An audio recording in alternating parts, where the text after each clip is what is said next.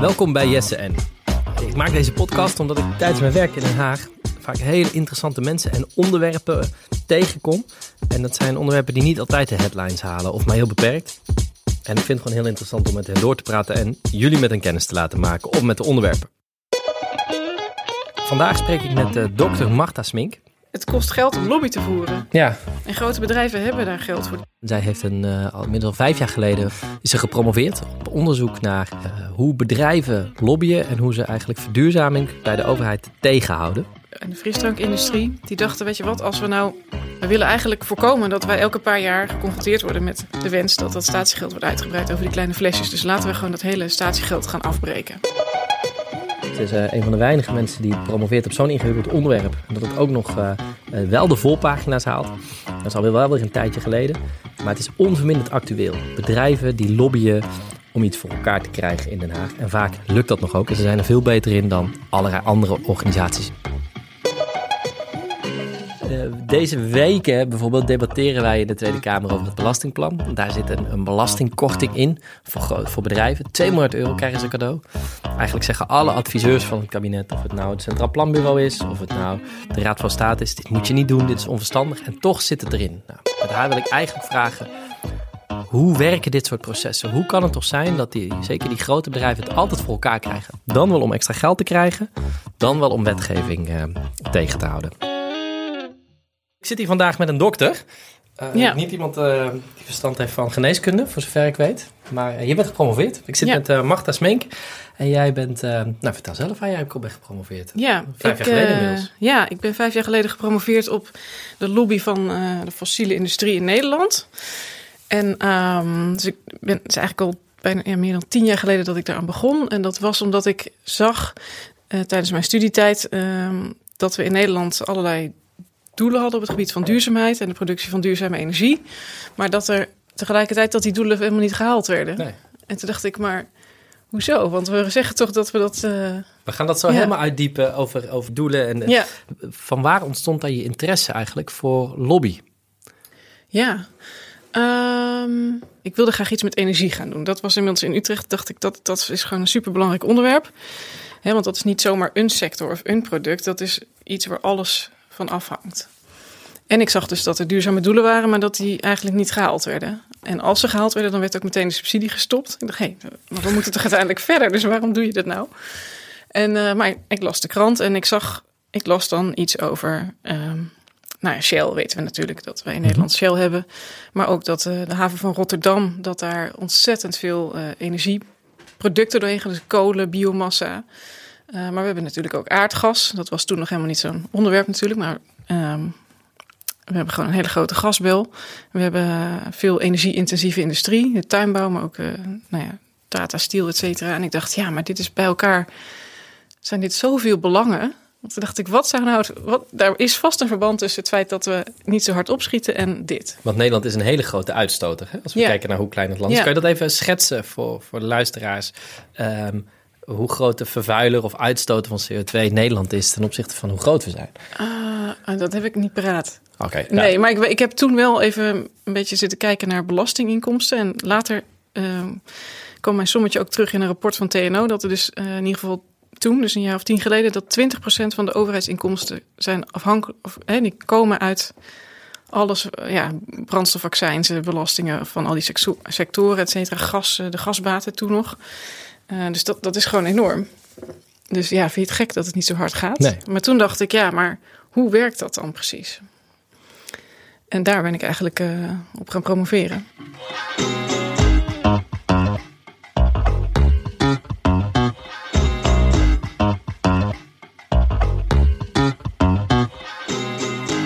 Okay, ik, ik, spreek vandaag uh, uh, met Magda Smink, dokter, gepromoveerd op het onderwerp nu vat ik het veel te kort door de bocht samen, maar ik zeg even over het lobbyen en hoe mm-hmm. grote bedrijven eigenlijk duurzame veranderingen weten, weten tegen te houden. Ik heb het echt met super veel interesse zitten lezen. En waar ik aan moest denken toen ik het las, was uh, Machiavelli's Il Principe. Uh, en en dat, dat is een boek, een heel bekend boek. Um, en het wordt op twee manieren eigenlijk uitgelegd. Dan wel dat Machiavelli heeft beschreven uh, hoe je een dictatuur moet vestigen. Uh, en hoe je dat het beste kan opbouwen. En eigenlijk een handboek is om uh, als je dictator zou willen, zou willen mm -hmm. worden. Maar er is ook een lezing die zegt: nee, dat was in, in hart en nieren was hij een democraat. En, en, en, en wilde die juist mensen waarschuwen voor, uh, voor, voor het gevaar van, van dictatuur. En zodat je het kon gaan herkennen. Nou, dat was ook een beetje de twee manieren waarop ik naar, naar jouw proefschrift kijk. Is het nou eigenlijk een handboek voor. Moet dit in de directiekamers liggen van al die grote bedrijven? Of is dit eigenlijk een manier om de wereld te waarschuwen voor, voor uh, hoe die grote bedrijven te werk gaan? Ja, nou dat Welke. Machiavelli ben jij? Nee, de laatste. Ja. Oké. Okay. Ja, en ik denk ook dat uh, uh, de, organis of de bedrijven die ik beschreven heb, of de lobby die ik beschrijf, dat zij prima weten hoe dat moet. Dus ik denk niet dat zij mijn proefschrift daarbij nodig hebben. Um, maar ik heb wel gezien dat hè, mensen die er minder in zitten, dat die gewoon heel veel van kunnen leren en het daardoor veel beter ja. kunnen herkennen. Dus laten we het concreet maken, want je hebt allerlei casussen uh, uh, onderzocht. Um, en laten we er eentje nemen die nog eigenlijk... Uh, ze lopen ook nog steeds door als het gaat over het statiegeld. Ja. Inmiddels zijn daar weer, wel weer wat keuzes in gemaakt en ook ja. weer dingen niet gedaan. Neem ons eens even mee in statiegeld. Statiegeld aan en, en, en, en petflesjes. Ja. En, uh, ja, dat is echt een, best wel een complexe casus, dus ik hoop dus dat ik het goed, uh, goed ga samenvatten. Uh, en dat is eigenlijk ook, was ook een van mijn bevindingen, dat dat dossier is zo ongelooflijk rommelig, dat het heel moeilijk is om eigenlijk ehm, ja, zicht te houden op ja, waar zijn we nou mee bezig en hoe gaan we nou partijen verantwoordelijk houden voor wat ze aan het doen zijn. Maar ik denk eigenlijk dat dat misschien ook wel een tactiek is. Rom, dingen rommelig maken. Um, ja, um, dus het begint ermee dat in de jaren negentig uh, uh, dat er halve liter flesjes op de markt kwamen. Die, waren, die bestonden daarvoor nog niet. Dat is best wel iets grappigs om over na te ja, denken dat, dat tegenwoordig. Las ik, dat las ik dus. ja, die waren er vroeger nog niet. Voor mijn gevoel bestaan die al, al, al mijn hele leven. Ja, nou je hebt wel die grote petflessen, ja. die hele harde, die je vroeger ja. had, die je kon bewaren. Ja. En uh, die werden ook opnieuw gewassen en dan weer gebruikt. Um, dus die waren er wel. Maar gewoon die halve liter flesjes, dat is pas vanaf midden jaren negentig. En toen... Um, uh, en het, toen hebben ze een soort van gentleman's agreement gemaakt dat, ach ja, dat is nog maar heel klein. Het aandeel kleine flesjes, dus daar gaan we dan geen statiegeld over heffen. Maar de industrie die zag natuurlijk wel van ja, dat gaat een keer uh, gebeuren. Dus een booming was, market. Ja, dus ja. het was ook Jan Pronk die geloof ik in 2001 zei... Um, wij gaan het statiegeld ook heffen over die kleine flesjes. En toen heeft de industrie bedacht, ja, maar uh, dat willen wij natuurlijk niet. En we ja. willen eigenlijk ook... Ik weet niet of iedereen weet trouwens wie luistert wie Jan Pronk was. Ja, de minister uh, maar... van Vrom toen, ja, van Milieu. Precies, ja. dat was toen de minister van Milieu. Ja. En, de... en de producenten of, van, uh, en, van de, en de frisdrankindustrie, die dachten, weet je wat, als we nou... We willen eigenlijk voorkomen dat wij elke paar jaar geconfronteerd worden met de wens dat dat statiegeld wordt uitgebreid over die kleine flesjes. Dus laten we gewoon dat hele statiegeld gaan afbreken. Dat was de insteek. En daar hebben ze dus nou, twintig jaar over gedaan ongeveer. Met eigenlijk consistent dezelfde argumenten. Namelijk dat dat recyclingsysteem dat dat kostenefficiënt moet zijn. Dus zo goedkoop mogelijk. Um, en het mooie is dat, je dan, dat ze dan elke keer nieuwe onderzoeken konden aantonen dat hun systeem goedkoper was dan het statiegeldsysteem. En als wij met z'n allen in deze maatschappij vinden dat kostenefficiënt het meest belangrijke is, mm-hmm. dan kan je daar dus echt jarenlang lobby mee voeren. Uh, maar ze hebben ook, um, hoe is het gegaan? Ze hebben eigenlijk, um, en je kunt niet zomaar het statiegeld afschaffen, want dat is voor mensen super normaal om die flessen terug te brengen. Dus dat is een instituut, noemen we dat, eigenlijk een regel een soort gedragsregel dat je je flessen terugbrengt. Hè, dat, dat krijg je niet zomaar omver. Dus wat zij hebben gedaan het zit ook, is... Het zit ook in ons eigen systeem als Ja, mensen. Je gaat precies. boodschappen doen, dan kijk je nog even, heb ik nog Heb je nog flessen? Ja, Toch? precies. Ja. dan krijg je je kortje weer terug. En, ehm, maar wat zij dus gedaan hebben, is daar een alternatief systeem tegenover bouwen. En dat is het Plastic Hero systeem. Dat zijn die oranje bakken. Ja. Dat zijn ze langzaam gaan opbouwen. Omdat, en dat uh, hing een beetje samen met de producentenverantwoordelijkheid... die vanuit de Europese Unie Wacht even, plastic, gaat staan. Plastic Hero. Dat, Plastic dat klinkt fantastisch. Dus dat is iets met een, iets of ja. iemand met een cape. Ja. Wat, wat, wat, Ja. wat zijn plastic heroes? Want dit is fantastische Ja, ja, dat, framing. zijn, dat zijn de consumenten, denk ik, Plastic Heroes. Ja, Eh, die dus eh, niet alleen hun plastic flessen terugbrengen met statiegeld... maar ook al het andere plastic afval scheiden en apart in de bak gooien. maar dat is heel goed. Dat zou je denken. Ja, Ehm, want dat probeer ik altijd te doen, met plastic te scheiden. Ja, precies. En de grap is nu dat hoe meer plastic... eh, dat, die situatie is voorbij, maar hoe meer plastic wij inleverden... hoe meer we bij, bij hebben gedragen aan het besluit om statiegeld af te schaffen. Dus ik ben gewoon onwijs slecht bezig geweest. al Ja, jaren. nee, alleen eh, zij hebben dus, hè, want hun verhaal was, weet je wat, er is nog veel meer plastic afval. Als we dat nou allemaal inzamelen, dan kunnen we op een gegeven moment al die statiegasflessen er ook bij gooien. En dan hebben we niet twee systemen naast elkaar, want dat is heel inefficiënt.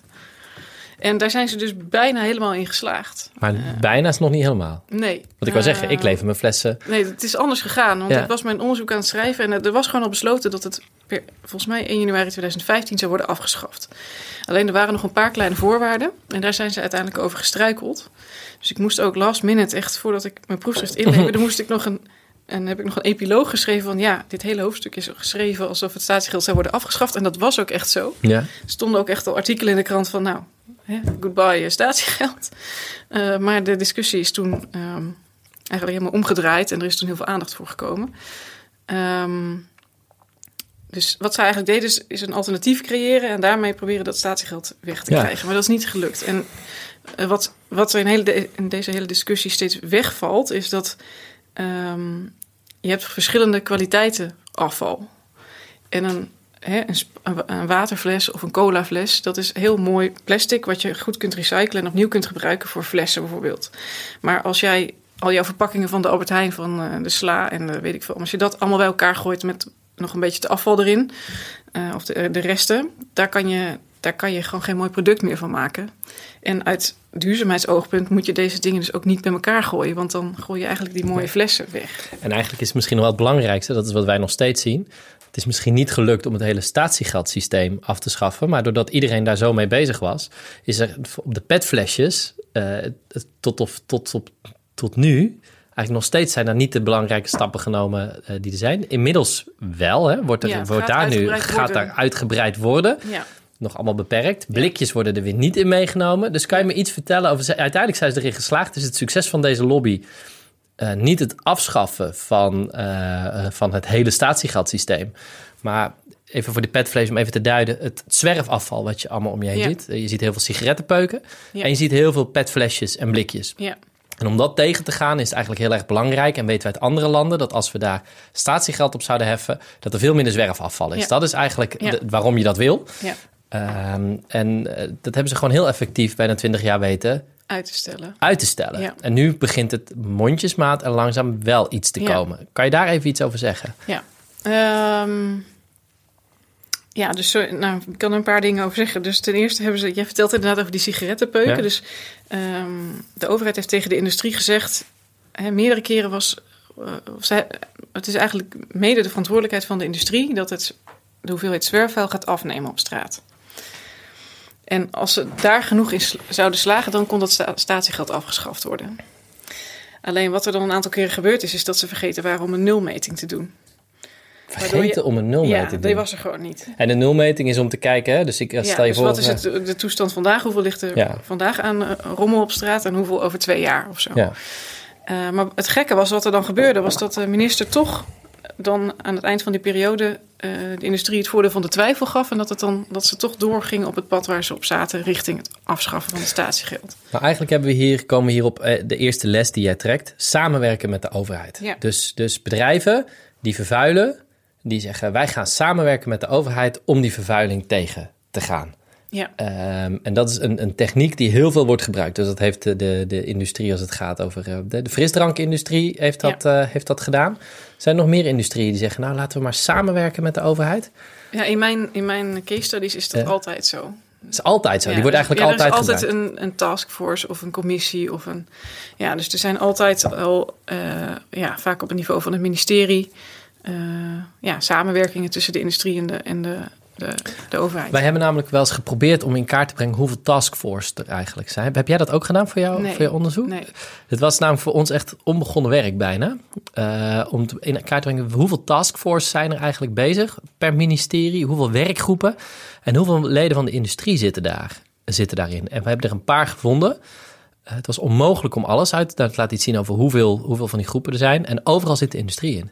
Dus als het ging over belastingwetgeving in Nederland, dan zitten daar altijd eh, hoogleraren in en mensen van, van, van, van de accountants, eh, de, de belastingadviespraktijk. Eh, dus die verdienen eraan om, om, men, om, om die, bedrijven te adviseren zo min mogelijk belasting te betalen. En zij adviseren de overheid hierover. Als het gaat over hoe moeten we Nederland gezonder krijgen, zit ook de voedingsindustrie. Dus die allemaal te veel suiker en zout in producten stopt. Die praten daar volop over mee. Ja. Dus, dus eigenlijk, als je dat ziet, denk Ja. je de overheid is ziek. Ja. Als, als dit de manier is waarop, wij, waarop er beleid wordt, wordt gemaakt, hoe zou je dat tegen moeten gaan? Want ik, Ja. het is mijn grote ambitie om de volgende keer. Ik wil van GroenLinks de grootste partij maken. We moeten gaan regeren. Ik wil zelf ik wil graag premier worden. Ik wil dat GroenLinks eh, in, een- in een volgend kabinet zit. Dan hebben we daar allemaal ministers zitten. Hoe zorg ik ervoor dat die ministers van ons niet worden ingepakt door die, Ja. eh, door die lobby en al die taskforces? Je wordt er gek van. Ja. Want je krijgt ze allemaal in je schoot geworpen Ja. als je naar een ministerie gaat. Ja. Eh, nou ja, wat ik in mijn eh aanbeveling heb geschreven is dat je eigenlijk, in mijn ogen, moeten beleidsmakers goed kijken naar hè, met wie je gaat samenwerken en ook hè, naar wie je luistert. Dus het is sowieso heel belangrijk dat je niet alleen met de, de grote bekende partijen gaat praten, maar ook met vernieuwende spelers, ondernemers of eh, eh, mensen uit de eh, NGO-hoek. Of dat jij gewoon een diversiteit aan perspectieven tot je neemt, zodat je je eigen, je eigen idee kan vormen. En ik denk dat het, ehm, ehm, die grote industrieën en bedrijven, die hebben natuurlijk lobbyisten in dienst. Die zorgen dat ze altijd op de juiste plekken zijn. Dus het is als beleidsmaker, eh, je hoeft er waarschijnlijk vrijwel niks voor te doen om hun verhaal te horen. Eh, dus het is makkelijk om daar een beetje in mee te gezogen te worden. Dus zorg dat je gewoon een diversiteit aan, aan ideeën ophaalt voor jezelf. Zodat je ook echt je eigen koers kunt varen. Maar om- En, en zorg, eh, en voor dat samenwerken, kijk er dan naar met wie je echt, echt wilt gaan samenwerken. En, ehm, eh, en dan is denk ik de vraag belangrijk: gaat deze industrie of dit bedrijf echt op korte termijn zijn core business ja. eh, veranderen naar dat duurzame alternatief waar we naar op zoek zijn? Of zeggen ze dat ze daarmee bezig zijn, maar is dat eigenlijk niet zo? Dus als je bijvoorbeeld eh, naar de olieindustrie kijkt, dan lijkt het er niet op dat zij op korte termijn echt hun core business gaan omgooien. Hè, ze, ehm, zij hebben het er steeds over dat ze, hè, we gaan gewoon nog steeds heel veel olie nodig hebben over Ze 50 blijven, jaar. ze blijven investeren in het oppompen Precies. van olie. Ja, dus dan is dat in mijn ogen niet de partij om echt Nee. heel erg mee te gaan samenwerken. En ik zou het eerder zelfs minimaal houden. Mag ik het anders nog proberen te... De, Ja. ook, ook voor me, hoe, hoe ik erover dacht. Wat, je- wat, wat je volgens mij heel goed ziet of wat jij schrijft, wat ik, wat ik echt bewonderenswaardig vind, is... ehm, de, de, groot, de gevestigde orde, die heeft altijd de beste toegang tot de macht. Ja. Tot, tot de overheid. Dus je hebt het inderdaad over de Shells, de Coca-Cola's. Alle grote merken die je kent, die hebben toegang tot de, tot, tot de overheid. En wie, de gevestigde orde heeft altijd het meeste verliezen bij verandering. En als je dus iets wil gaan veranderen en je gaat, hè, de, de, je gaat praten met de kalkoen over kerstmis, dan weet ik wel wat het advies van de kalkoen is. Eh, en dat is eigenlijk te veel wat er, wat er gebeurt eh, op dit moment. En eigenlijk zeg, dat, dat is de les die ik trek, ik zeg niet dat jij het zegt, maar de les die ik eruit trek is, als je iets wil gaan veranderen, heb dan heel goed door op wie dit een enorme impact heeft, voor wie er echt iets gaat veranderen. En dat is dus de club met wie je wel moet praten, maar wie, die je niet aan tafel moet zetten om die verandering vorm te geven, want dat gaat niet gebeuren. Ja. Dat, is, dat is oneerlijk ook bijna om, om te vragen. Dat zag je om een sprongetje te maken naar jouw geschiedenis met de boeren. Met stikstof zien we, zien we nu een, een, eenzelfde iets gebeuren. Hè? Dus de boeren hebben een hele stevige positie aan tafel. Ook dat is de industrie die het meeste moet veranderen Ja, dan is het niet raar dat daar niet zo heel veel uitkomt, omdat dat het hun bedrijfsmodel. Ja. Dat, is geen, dat, dat kan je de boeren eigenlijk niet kwalijk nemen. Dat Nee. je jezelf, dat je zegt, nou, ik heb er nu eens over nagedacht, we gaan het nu helemaal anders doen. En daardoor wordt mijn bedrijfsmodel anders. Zoals je dat Coca-Cola ook niet kan kwalijk Ja. nemen. Dat Nee, als wat zij doen is minder suiker, het is heel Ja. logisch. Toch? Je verdedigt, je verdedigt altijd wat je hebt. Dus het is een taak van de overheid om die belangen eigenlijk buiten de deur te zetten. ja. Ja, en eh, je mag er wel een keertje naar luisteren, maar het moet niet je vaste gesprekspartner worden. Dus, eh, of in ieder geval hè, jouw go-to persoon voor alles. En wat ik op een gegeven moment merkte, is dat ik een... Ik had een interview bij Shell gedaan. Dat ging over biobrandstoffen. En Mhm. eh, in diezelfde periode deed ik ook een interview bij het ministerie van Economische Zaken. Ook over biobrandstoffen. En op een gegeven moment hoor- hoorde ik die man bij EZK gewoon exact dezelfde zinnetjes zeggen als die man van Shell. En toen dacht ik, ja jeetje, maar jullie zijn waarschijnlijk, eh, ze kennen elkaar waarschijnlijk. Maar als je jarenlang met dezelfde mensen werkt, dat heeft, en dat zijn altijd hele prettige, fijne mensen. dus dat, dat gaat natuurlijk jouw beeld vormen. Ja, Dus zorg dat je daar eigenlijk boven blijft staan. Dat zou, ik denk dat dat ook heel belangrijk is. Dus een deel van de invloed gaat helemaal niet per se ehm, onder druk of zo, maar het zit er meer in die ideeën die, en wat voor jou normaal wordt en wat jij denkt dat er eigenlijk mogelijk is in deze wereld. En vaak zijn er meer alternatieven dan.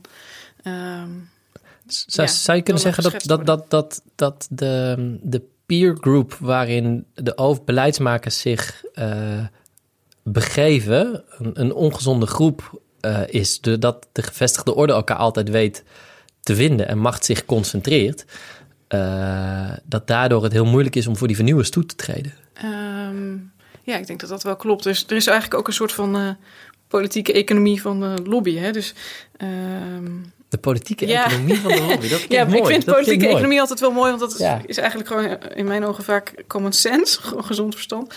Het kost geld om lobby te voeren. Ja, En grote bedrijven hebben daar geld voor. Die hebben gewoon mensen die, sta- die staan, denk ik, bij wijze van klaar om naar binnenhof te lopen of, hè, eh, of, of naar het ministerie. Als nadat ze een- deze podcast hebben geluisterd Ja, om te er vertellen een- dat het echt niet zo is. Als er een onderwerp Ja. is dat, eh, dat, hè, waar zij graag eh, iets over willen zeggen. Ja. Maar als jij een, een eh, ehm, ondernemer bent in een nieuwe bedrijfstak en je, je, kunt, je bent überhaupt nog verlies aan het draaien omdat je je bedrijf aan het opzetten bent, dan ben jij niet in Den Haag te vinden. Dus eh, het is ook voor beleidsmakers, ehm, ja, die zullen meer moeite moeten doen om deze verhalen te horen. En dit bedoel ik met politieke economie. Dat als jij Ja. een beleidsmaker bent, dan komen de gevestigde verhalen vanzelf wel naar je toe. Maar die andere verhalen moet je eigenlijk opzoeken. En het is ook nog riskanter, omdat ja, die ondernemer... die kan het ook bij het verkeerde eind hebben... of hij is morgen failliet, of, eh, en het levert nog niet zoveel belastinggeld op... en minder banen. Dus daar, daar Ja. groeit wel iets, maar eh, daar kan je ook... ja, dat is minder makkelijk om op, en veilig om op te bouwen... dan dat gevestigde verhaal.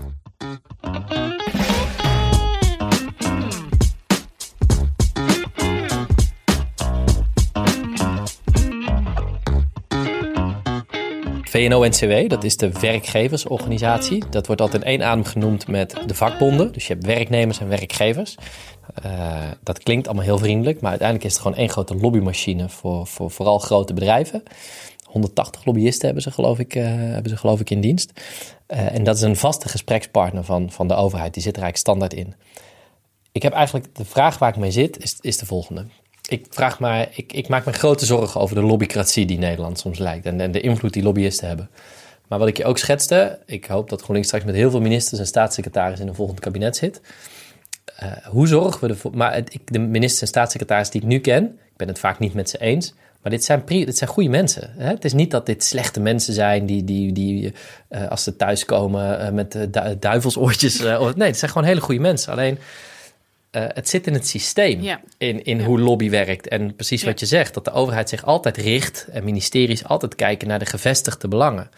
Wat is nou het belangrijkste advies dat je mij zou willen meegeven? Dat, en, en al die GroenLinks-ministers straks, dat we niet in precies diezelfde valkuil stappen. Want ik denk niet dat, dat, dat eh, als je denkt dat, je beter, hè, dat, dat wij betere mensen zouden zijn dan de mensen die... Dat nee, is niet zo. Het systeem Je is, wordt in die situatie je wordt erin gezogen. Ja. Wat zou je nou kunnen doen om ervoor te zorgen dat dat niet gebeurt? Want als ik, als ik nadenk van oké, dan, dan gaan we, ga je regeren, je hebt allemaal grote plannen. Ik zie de druk en de kracht van die lobby. Ja, dat maakt je kans van slagen om echt verandering voor elkaar te brengen veel kleiner. Ja, Ja, dat Ja. is niet waarom we in de politiek zitten. ja. Dus eh, wat is jouw advies om dat, dat, om dat tegen te gaan? ja, ik heb daar geen eh, kant-en-klare oplossing voor, denk ik. Nou, dat was me wel beloofd. ik zou met jou gaan praten en dan zou ik daar... Ik ben ook heel benieuwd hoe je er zelf over, over denkt. Maar ik, ik denk gewoon echt dat het heel belangrijk is dat je, eh, dat je op een bepaalde manier nou ja, boven de partijen staat. Of dat je je gedachten vrij houdt of zo. Of dat je, Mhm.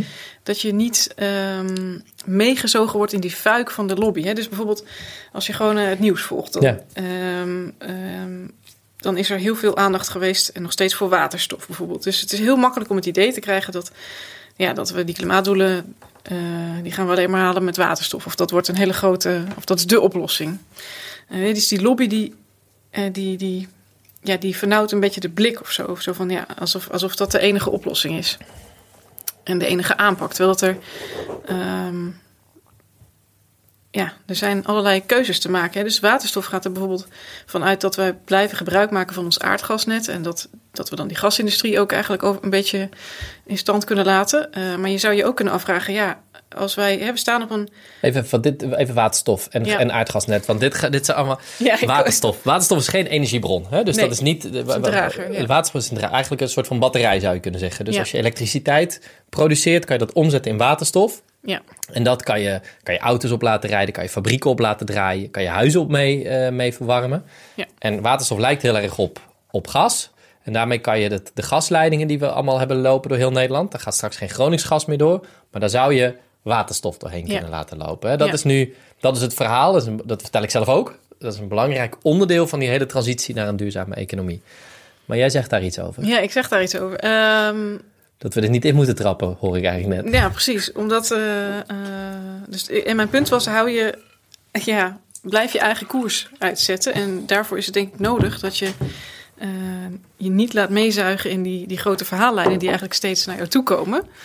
Eh, wil je weten hoe ik naar waterstof Ja, ja zeker. Ja, dat doen we. En dan gaan we zo weer terug hoor. Naar, Ja. naar hoe, we dit, hoe wij dit anders gaan doen in een kabinet. Nou, ik maar- heb in mijn proefschrift naar groen gas gekeken. En dat is ook iets wat door de gasindustrie eh, gepromoot is. En zij hebben daar ongelooflijk veel ehm, eh, wet en regelgeving voor eh, eh, geregeld. En ook heel veel En subsidie. even groen, groen gas, Ja. hè? Groen gas is, eh, Wat dat is. biogas. Dus dat maak je uit mest en mais bijvoorbeeld. Of uit andere nou ja, houtachtige stoffen.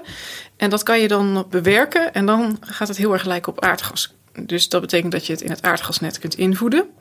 En dat je het eigenlijk Dus net als even- waterstof kunt gebruiken voor Precies. alle dus toepassingen. alle mest die er dan is, in plaats van dat allemaal uit te rijden op het land, of eh, dat, dat gaat dan naar een grote, grote Ja. ketel, zeg maar, een Ja. vergistingsapparaat. Ja. apparaat. Ja. En daar ga je het omzetten met, eh, met, met, met, met chemische processen naar gas.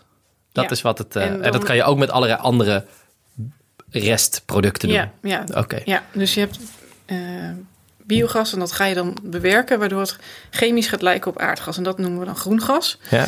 En dat heeft de gasindustrie, die heeft daar dus heel hard voor gelobbyd, echt eh, jarenlang.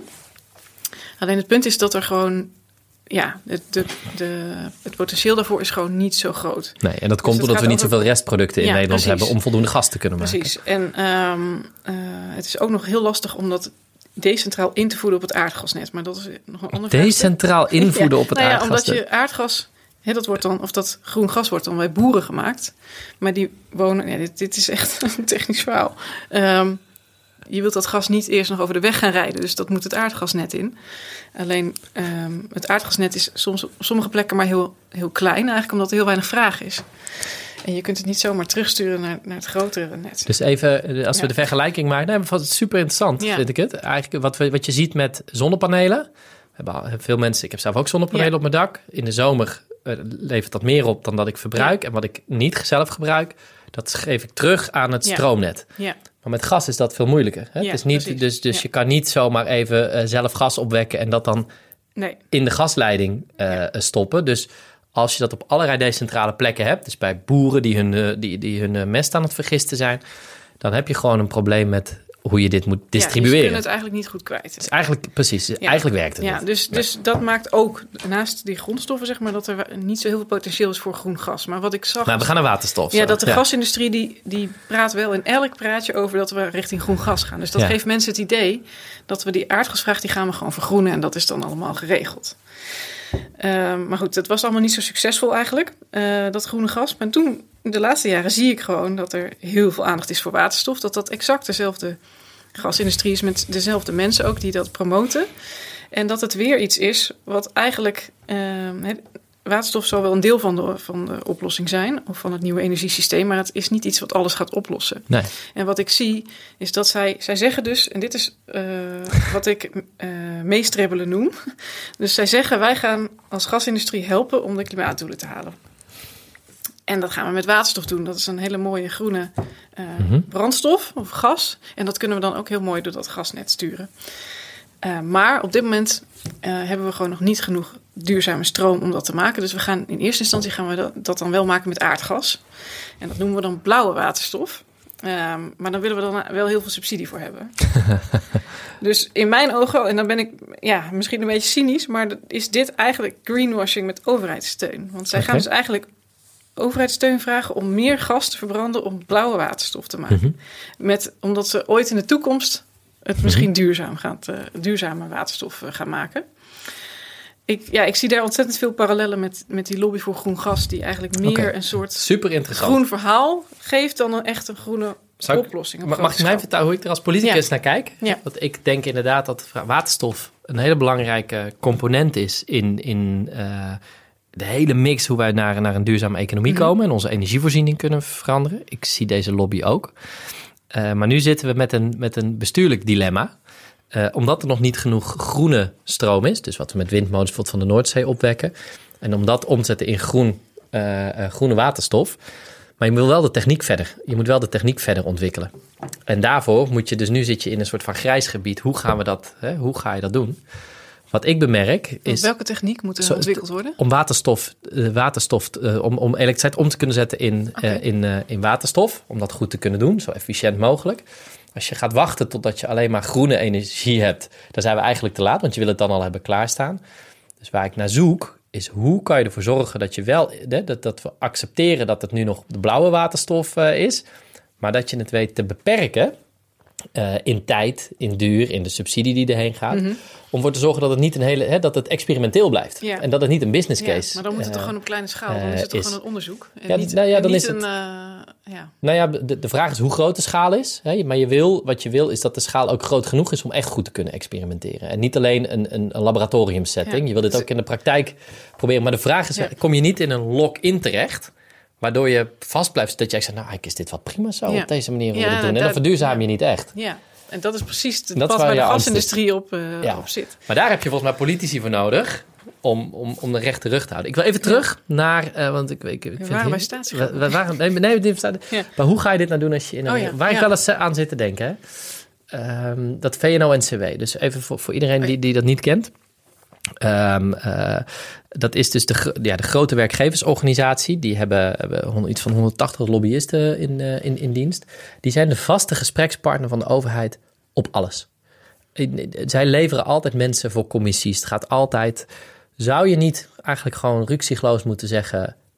ze komen gewoon niet meer... VNO komt als organisatie niet meer binnen. Want we weten wat, ze, wat we... Hè, daar stoppen we gewoon mee.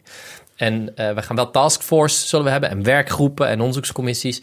Maar die gaan we iedere keer opnieuw samenstellen... door te kijken naar wat zijn nou eigenlijk de mensen... die hier het meeste van weten met de minste belangen. Dus die de minste, waar de minste verstrengeling op zit. Betekent het ook dat we eh, meer moeten investeren in wetenschap, zodat je minder afhankelijk bent? Ik zie ook een, een, een, een, een logica.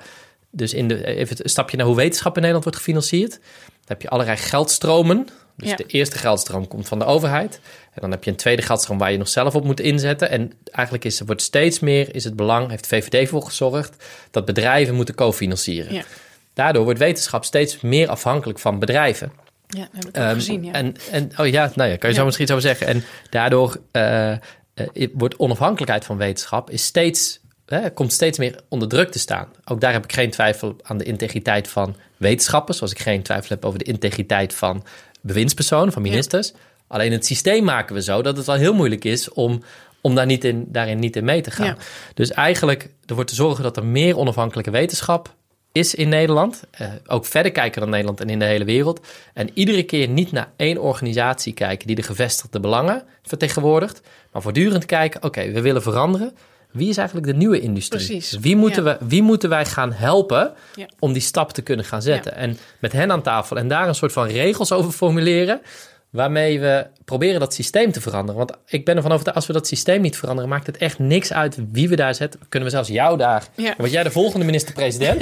maar dan gaat er, en jij weet precies hoe het werkt. Je hebt er een prachtig boekwerk over geschreven. Maar er hebt verandert, ook- er verandert er niks. Ja, nee, ik denk, denk dat je dat goed ziet, omdat ja, je bent een, hè, als je in het kabinet zit, heb je denk ik eh, ook niet heel veel tijd om de dingen te laten bezinken en eh, ehm, ja, daar afstand van te nemen.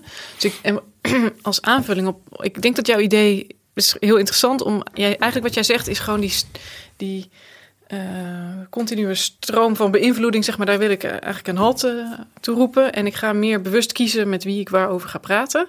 En dan ga ik heel bewust die nieuwe partijen uitnodigen. En ik denk dat je daarbij. Hè, misschien moet je die nieuwe partijen daar zelfs gewoon dan de onkosten voor betalen. Of, of een, een soort vergaderfee of wat dan ook. Omdat, hè, wat Ja, ik zei. Ja, die hebben er eigenlijk geen Dit is tijd die voor. politieke economie. Ja. Zij, zij kunnen die tijd en dat geld helemaal niet missen. Nee. Dus misschien moet je dat ook nog op die manier faciliteren. Ehm, ja. Dus, dus je, dan kom je bijna op, op Van Rijbroek-achtige...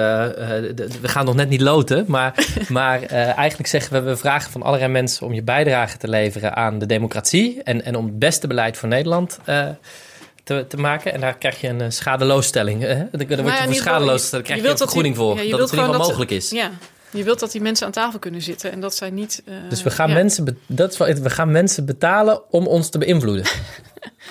ja, eigenlijk wel. Ja, maar er is. Super interessante gedachte. Uh, misschien is het. Eh, ik, moet nog denken aan de, de milieubeweging. Hè. Nederland ja. heeft toch een traditie ook van de eigen tegenspraak organiseren. dus in die zin is het niet zo, uh, niet zo nieuw. Uh, ook in. ik stip in mijn proefschrift ook nog. Uh, het onderwerp van uh, standaarden en normen aan. Dus, die, ja. dus, dus je hebt zeg maar allerlei technische Wacht, standaarden. We, laten we even het blokje. Ja. We, hebben nu we, hebben, we, we, gaan hier gaan we over doordenken. Want zij, over, en zij doen dat ook namelijk daar. Ja, en dan komen we bij de standaarden. Want dat wil ik heel kort inleiden. Ja. Want dit, dit is echt heel belangrijk. Ja. Um, ik zou nu aan iedereen willen vragen die, die nu luistert. Wie denk je dat in, dat in Nederland en Europa de standaarden voor producten bedenken. Hè? Dus, dus wat zijn de veiligheidsvoorschriften? Waar moet het aan voldoen?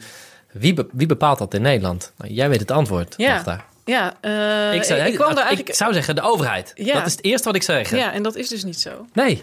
Dus Hoe dat dan? was voor mij ook echt een uh, ontzettende eye-opener, ja, waar ik in een interview eigenlijk uh, voor het eerst over hoorde. -hmm. Dus hoe het gaat, is dat er um, voor alle producten, denk, ja, moet, ja, voor producten die op de markt zijn, gelden bepaalde technische uh, standaarden en veiligheidsnormen, et cetera. En als je daar niet aan voldoet, kan je je product niet verkopen. Dus het is super waar, waar, waar moeten we dan aan denken? Um, nou, uh, dat gaat over alles. Dus wat is de maat van de schroef en uh, hoe sterk moet de ladder zijn en um, binnen welke bandbreedte moet een brandstof uh, zijn als je die in je auto stopt, zodat er geen problemen zijn met de motor. Het gaat echt over alles. Dus er zijn honderden. Maar ook over de gezondheid van mensen dus. Uh, dat kan, ja. Ja. Je hebt technische standaarden en ja. ook duurzaamheidsstandaarden. Ja. En dus het gaat ook over veiligheid in ieder geval. Ja. Okay. Um, dus als je bijvoorbeeld, toen ik dat eenmaal had uh, gelezen, toen zag ik het ook overal. Als je naar putdeksels kijkt, daar staat dan uh, NEN. Op. Ja. En ook je snoertjes aan de computer en zo, daar staat dan vaak ook NEN of CEN en dan een nummer. Dus dat zijn dus die codes. Dus in Nederland heb je de NEN, de Nederlandse norm. Ik weet niet precies hoe je het afkort, de NEN. Mm-hmm. Uh, en in Europa heb je de CEN. Dus onder de Mhm. NEN zitten allemaal commissies. En in elke commissie zit dan een, een, een afvaardiging van mensen die met dat onderwerp bezig zijn. Mhm. En vaak zijn dat uh, dus de bedrijven die die producten maken. En een aantal wetenschappers. En misschien nog iemand met een uh, nou andere invalshoek. Um, en zij bepalen met elkaar hoe die norm moet zijn. Mhm. Maar dat betekent dus dat zij eigenlijk met elkaar bepalen wie er toegang krijgt tot de markt of niet. Zo. En in Europa. Dus, dus even voor de goede orde. De, de, dus bedrijven die al actief zijn, die kunnen bepalen welke andere, wie er nog meer kunnen toetreden. Ja. Nou is het wel zo dat hè, de NEN heeft dan... Het is uh, trouwens het Nederlands Normalisatie. Ik heb het even Ja, net ja. opgezocht. Het Nederlands Normalisatie Instituut. Ja, ja. En zij hebben dan... Hè, de NEN heeft wel... Uh, of die heeft gewoon uh, per commissie een, een, voorzitter... of iemand die dat proces in goede Mhm. banen leidt... die ook echt zoekt naar hè, de juiste personen aan tafel. Um, maar dat, ja, dan speelt weer dat verhaal wat ik net zei. De politieke economie van, van beïnvloeding eigenlijk. Dat, ja, soms is dat lastig. En de partijen met veel geld en veel um, belangen... die zitten zeker aan tafel.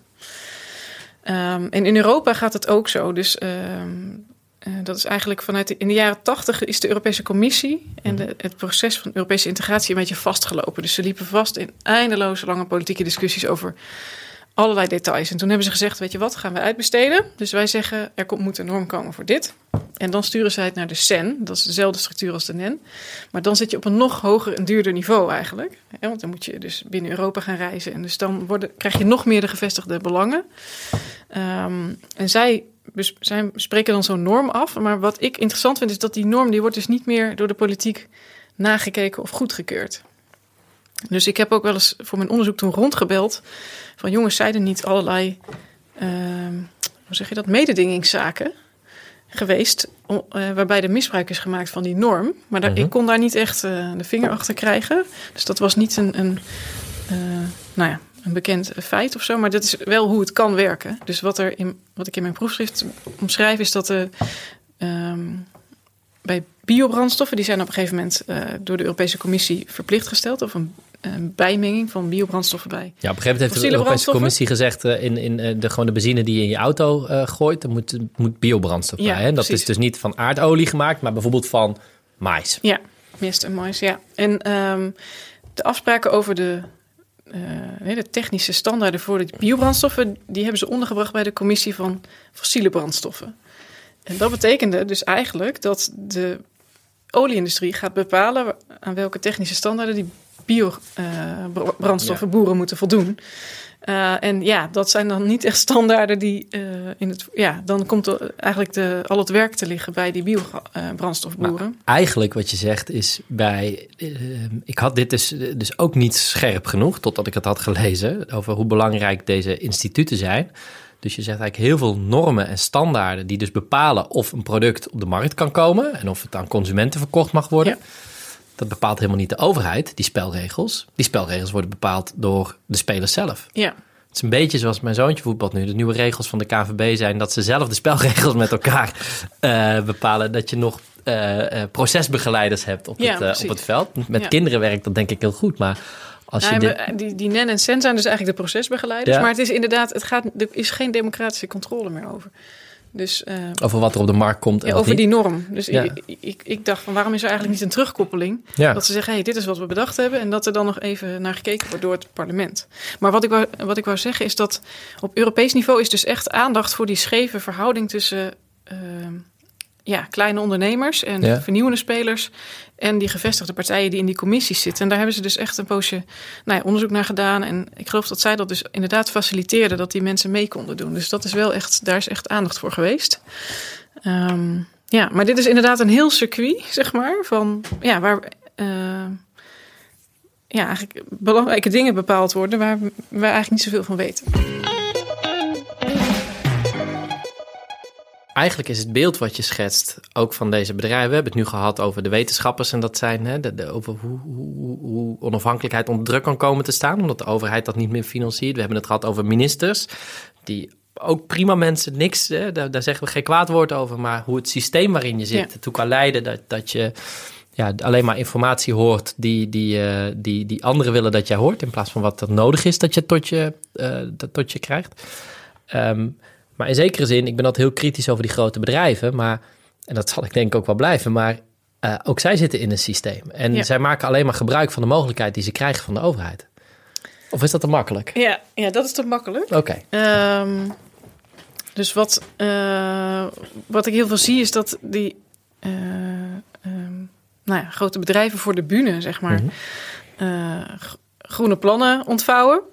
Uh, en, en dat ze ook zeggen, hè, wij zitten ook maar in een systeem en hè, uh, dan moet de overheid maar regels maken. Dan, hè, als de overheid regels maakt, dan gaan we er wel aan voldoen. Maar wat ze niet zeggen, en dat is precies waar mijn proefschrift over gaat, dat ze eigenlijk uh, continu bezig zijn om die overheid te beïnvloeden en te zorgen dat er geen regels komen of dat er regels komen die in, in hun richting uh, uh, zitten. Ik, ik, ik, herken dit zelf uit. Ik heb de Klimaatwet geschreven. Ja. Daar ben ik ooit mee begonnen met Diederik Samsom. En dat heb ik toen voortgezet met onder andere Rob Jetten. En uh, de Partij van de Arbeid deed eraan mee. En CDA uiteindelijk en de VVD. Dus heel veel politieke partijen. Ik geloof dat acht politieke partijen, inclusief 50 plus, me uiteindelijk hebben gesteund. Um, en VNO-NCW wederom. Dus ik sprak met allerlei bedrijven, heb ik gesproken. En zeiden, als er één ding echt belangrijk is, dan is het wel dat wij uh, lange termijn doelen hebben. Dat is echt super belangrijk, want we moeten weten waar we aan toe zijn. En toen hebben we een wet geschreven, daar kwamen lange termijn doelen in. En vervolgens kwamen ze lobbyen dat die lange termijn, ja, dat we toch niet zo hard moesten opschrijven, dat het toch allemaal net iets minder moest. Dus in, ik merkte daar dat wat, ja. wat publiek wordt gezegd, of wat mij ook oprecht, ook in één op één gesprekken werd, is allemaal prima. Totdat je er serieuze wetgeving van wil maken. En dan gaan ze meestribbelen. Dus, ja, dit noemen we dus... Ja, ja mee, VNO-NCW die kwam dan met... Ja, we willen dit wel, maar je kan het beter in een andere wet onderbrengen. En ik voelde me echt volstrekt niet serieus genomen door ze. Omdat ik, ik was ben daar... Ik heb die wet zelf geschreven, dus ik, ik weet echt wel hoe dat in elkaar zit. Wat de verhouding bijvoorbeeld is tot de omgevingswet. En zij probeerden dit allemaal in de omgevingswet te fietsen. Wat al één groot lobbyproject was geweest van onder andere VNO-NCW... om, om, om, om ja, besluitvorming daar makkelijker ja. te maken en naar hun hand te zetten. En daar zag ik voor het eerst van wow, of voor het eerst niet. Uh, daar maakte ik het echt aan de lijve mee, maar ik maakte het al tien jaar mee in de Tweede Kamer. Dat wat ze enerzijds zeggen en ze gaan met je meepraten, maar uiteindelijk is niet de bedoeling dat je daar echt dat er echt iets, uh, dat ja. er echt iets verandert. Ja, ik vond dat het is dus precies meestribbelen. Dat je echt fascinerend. Je, je praat mee, maar de dingen die je voorstelt, die zorgen eigenlijk voor een heel andere uitwerking. Ja. Dus dat is eigenlijk een andere agenda. Ehm, en waarschijnlijk als jij het in de omgevingswet zou zetten, dan zouden ze weer zeggen: ja, nee, een betere speciale klimaatwet. Zeg maar, het is nooit goed. Nee, nou, en, ik de, en, en als hoe we het daar was het zo slap dat het, dat het, geen, dat het geen effect zou hebben. Dus Ja. dat kan ook, dat het wel echt staat Ja. opgeschreven, maar dat het gewoon zo min mogelijk. Ja, eh, ja dus het eh, is altijd, het is, in die zin is lobby een soort afleiding ook. Een soort afleidingsmanoeuvre. Dus wordt, je con- continu moet het net even, moet de discussie ergens anders over gaan of moet het op Europees. Dat is ook een vaste, hè? Nee, dit moet internationaal geregeld worden.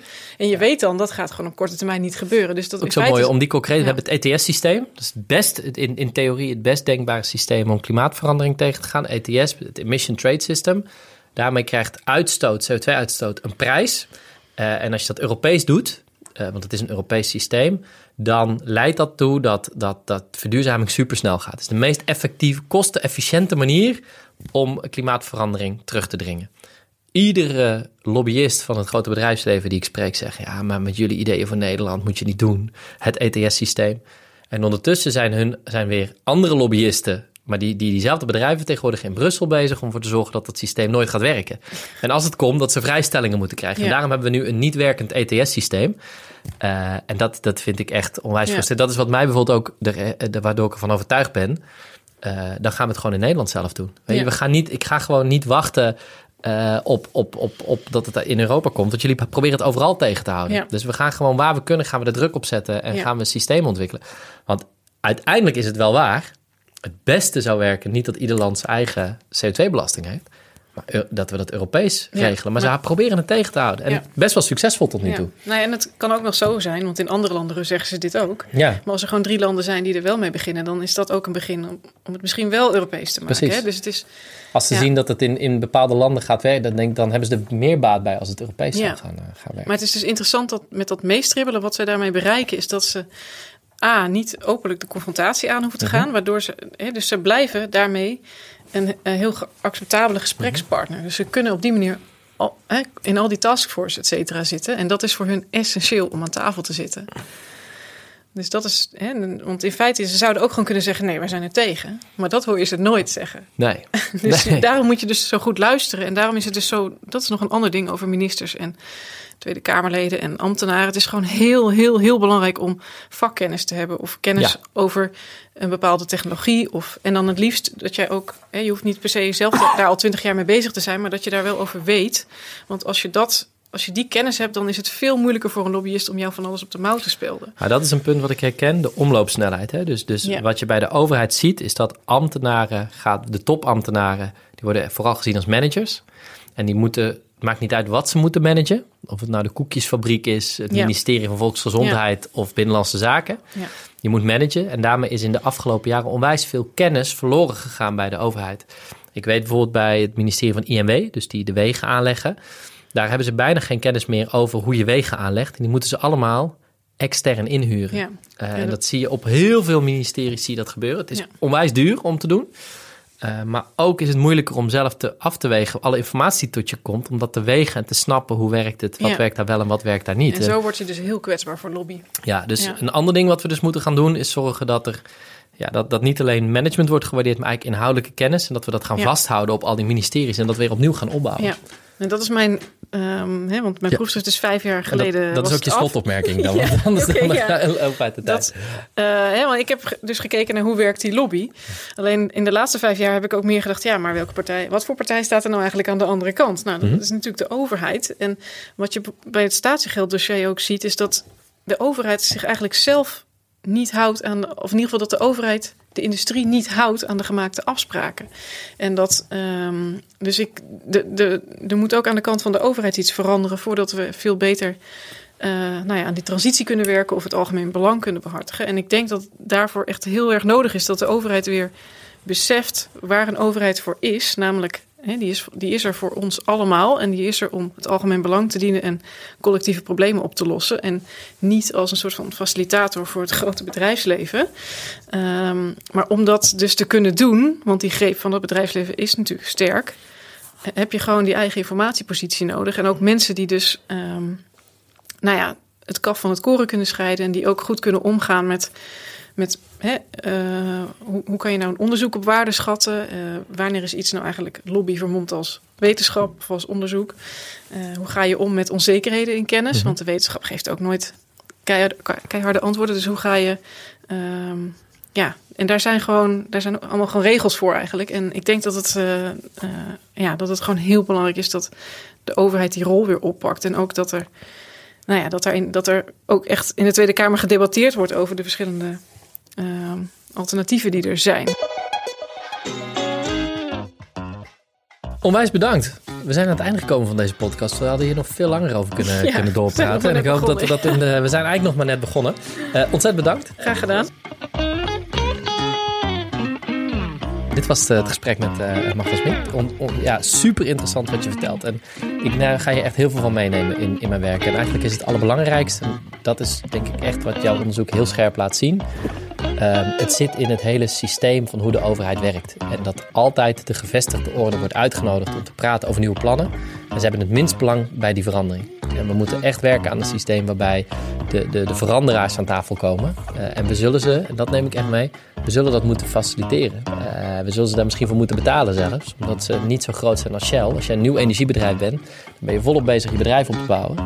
En dan heb je geen tijd om ook nog eventjes met, eh, met politici te gaan, gaan en naar, naar Den Haag te, reizen, te reizen. Ontzettend bedankt voor dit gesprek. En heel veel succes met alles wat je in de komende tijd gaat doen. Dankjewel.